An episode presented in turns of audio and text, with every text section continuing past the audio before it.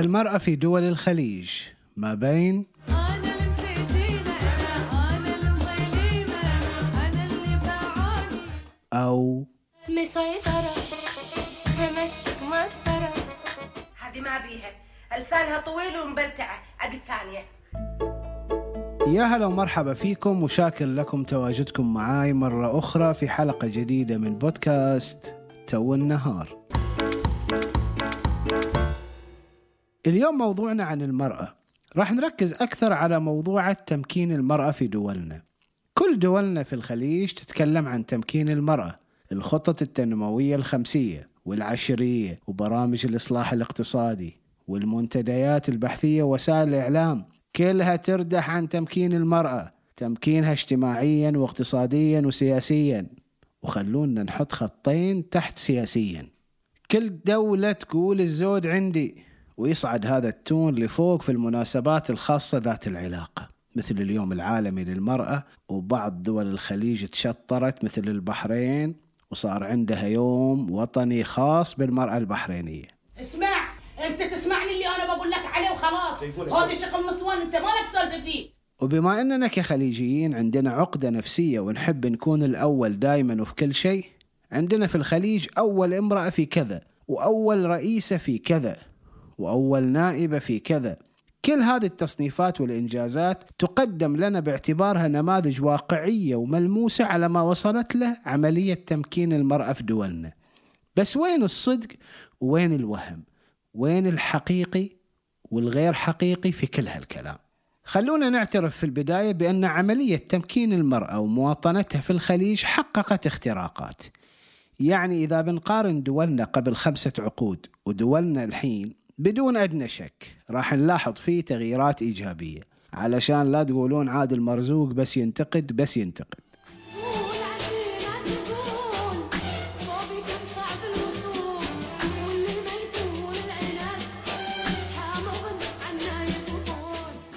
تعليم المرأة بمختلف مستوياته هو أكثر المجالات اللي تحقق فيها تقدم حقيقي وحصل إغلاق شبه كامل للفجوة بين الجنسين. أكثر من هذا وايد تقارير تنموية تأكد على أن معدلات التحاق المرأة بالتعليم العالي في عمان وقطر والبحرين والسعودية أعلى من الرجل. أيضا خلونا نعترف بأن الفضل في هذا يعود للدولة في الخليج. حتى وقت قريب كانت المرأة تحرم من قبل قوى نافذة في مجتمعاتنا كرجال الدين وبعض القبائل من التعليم العالي أو العمل بحجة الاختلاط. وبفضل تدخل الدولة وكفالتها للتعليم نقدر نقول أن تم القضاء على هالأفكار والتوجهات المتشددة. المشكلة أنك ما راح تشوف مؤشرات التعليم العالية للمرأة في دولنا من عكسها على صعيد سوق العمل. المرأة الخليجية تمثل 40% من إجمالي عدد السكان في الخليج لكن مشاركتها في سوق العمل كقوة اقتصادية لا تزيد عن 29% أيضا ما راح تشوف تعليمها منعكس على المناصب العليا ولا في المجالس المنتخبة. ما زالت الحياة العامة هي من بطولة الرجل. ومثل ما تقول شاعرة الكويت سعاد الصباح الرجل الشرقي لا يرضى بدور غير أدوار البطولة. وهذا يكشف عن تناقض فاضح. تناقض بين أعلى مخرجات تعليم للمرأة وأسوأ تمثيل لها في حياتنا العامة. في مقولة تردد بكثرة في الأدبيات السياسية مقولة مفادها أن دخول المرأة في السياسة ليس سوى تجميل لسلطة رجال مطلقة.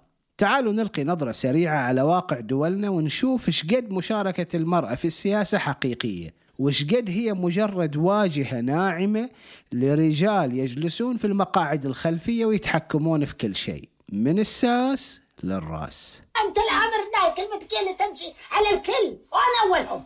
التقرير العالمي للفجوة بين الجنسين 2022 هذا التقرير هو واحد من أهم التقارير الدولية المعتمدة اللي تقيم البلدان بناء على مدى جودة توزيع مواردها وفرصها بين سكانها من الذكور والإناث.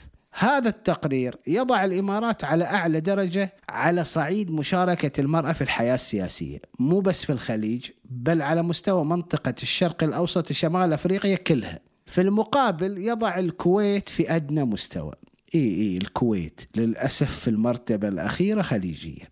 هذا التقرير من عندكم طالع وأنتم اللي موقعينه وأنتم اللي خاتمين عليه. ويقول التقرير إنهم ميانين. ميانين ميان يقول لنا التقرير إن الإمارات والإمارات فقط قامت بتحقيق التكافؤ على المستوى البرلماني. طبعا تصنيف التقرير متأثر بمفاعيل قرار الإمارات اعتماد نظام الكوتا لمقاعد المجلس الوطني الاتحادي بحيث يتشكل من 20 امرأة و20 رجل. إلى هنا التقرير صحيح وما عليه غبار وبصراحة في موضوع تمكين المرأة خلونا نخلي الإمارات على صوب مقارنة ببقية دول الخليج. فوق كل اللي قلته عندهم تسع وزيرات في مجلس الوزراء مقارنة بمتوسط عدد الوزيرات في دول الخليج الأخرى وهو من ولا وزيرة إلى ثلاث وزيرات كحد أقصى. لذلك الإمارات علامة كاملة يا جماعة مع بعض التحفظات اللي تخص حقوق المرأة في ملفات ثانية. اللي أبي أقوله أن دولنا الخليجية شاطرة في قضايا التمكين بطريقتها الخاصة. وإذا السالفة سالفة أرقام والحصول على مؤشرات وشهادات اعتمادية أول كذا وأعظم كذا وأفخم كذا فأبدا ما حد يقدر ينافس دول الخليج وشطارتها في هالسوالف. لكن الشيطان كما نقول دائما يكمن وين؟ يكمن في التفاصيل وإحنا أهل التفاصيل. هذه صفة موجودة في الكل.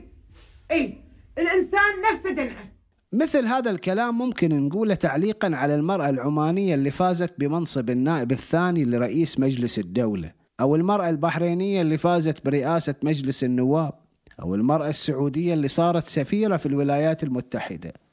مع حفظ الأسماء والألقاب كلهم أخواتنا مكرمات ومعززات ولهم مكانتهم واحترامهم.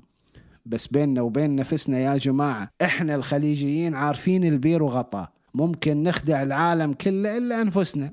إحنا عندنا أصلا مشاركة سياسية حقيقية أو حتى أي نوع من الولاية على شؤوننا العامة عشان نمكن المرأة سياسيا. نقول عن أنظمة الحكم عندنا أنها ملكيات مطلقة وفي نفس الوقت نقول عندنا مشاركة سياسية.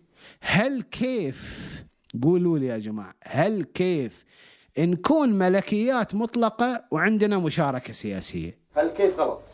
ها. هل بس. كيف هاي مالتك؟ خربت ال- الهل. تمكين المرأة مفهوم شامل لكنه يطبق بشكل انتقائي في الخليج.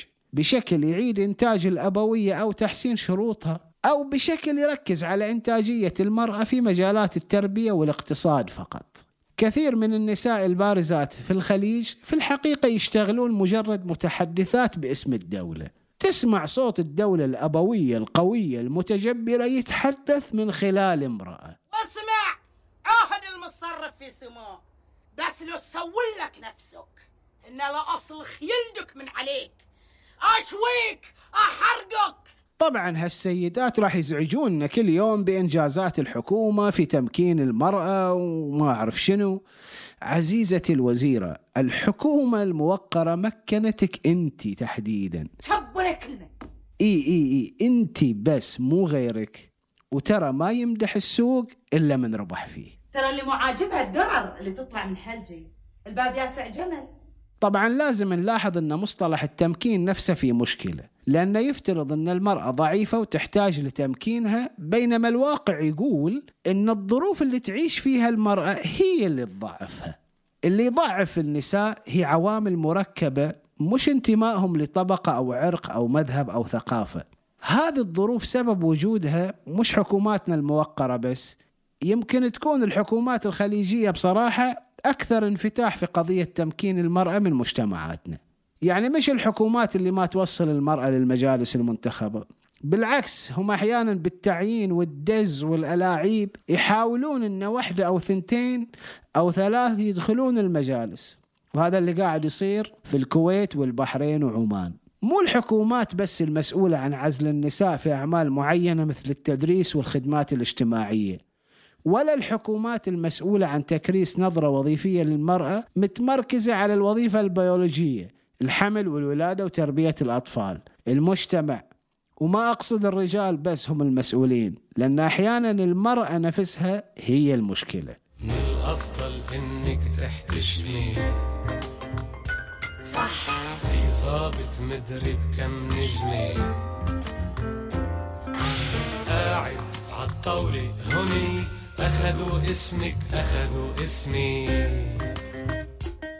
هذه كلها مشكلات ناتجة عن تقاطع عوامل عدة مجتمعاتنا تتحمل مسؤولية كبيرة ثقافتنا وتقاليدنا اللي تربينا عليها تتحمل مسؤولية أيضا. ولما ننتقد حكوماتنا اللي هي فعلا تتحمل المسؤولية الأكبر لأن بيدها الحل والربط لازم بعد ننتقد ثقافتنا.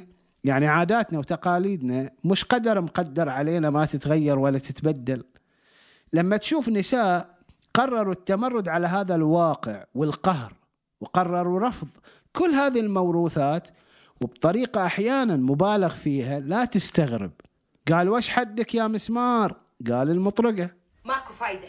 إحنا جربنا كل الطرق معاكم لكن ماكو فايدة. كل ما فتشينا باب سديتوا بويوهنا ماكو إلا حل واحد ماكو غيره.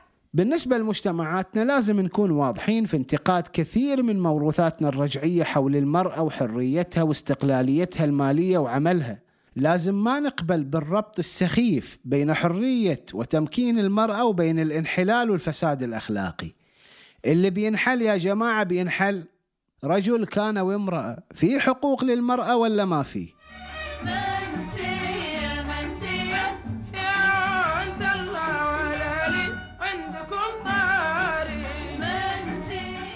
بس أرقام يا جماعة.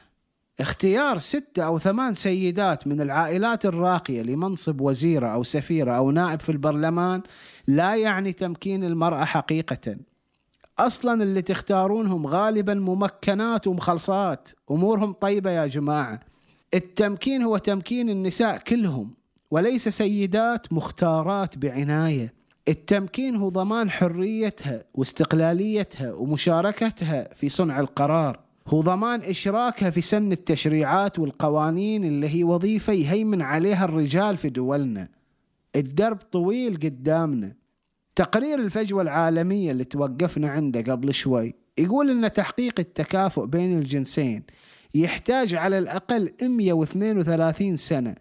يعني إذا تبون الصدق تو النهار علينا وعلى اللي يقولون وايد تركزون في تمكين المرأة في بلداننا. لازم يا جماعة نتكلم ونتكلم ونتكلم. ما الحل يا مشاغبة كان معاكم عادل مرزوق من لندن في أمان الله.